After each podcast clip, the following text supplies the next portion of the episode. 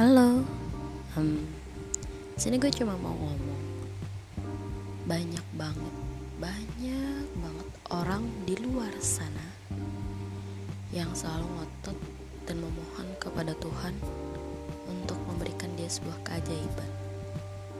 Padahal di lain sisi dia adalah keajaiban yang begitu indah yang udah Tuhan berikan untuk dia.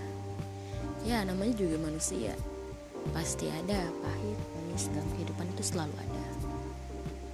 Tapi pernah gak sih menyadari bahwa kehidupan yang indah ini selalu memiliki makna ketika setiap kesedihan itu selalu ada.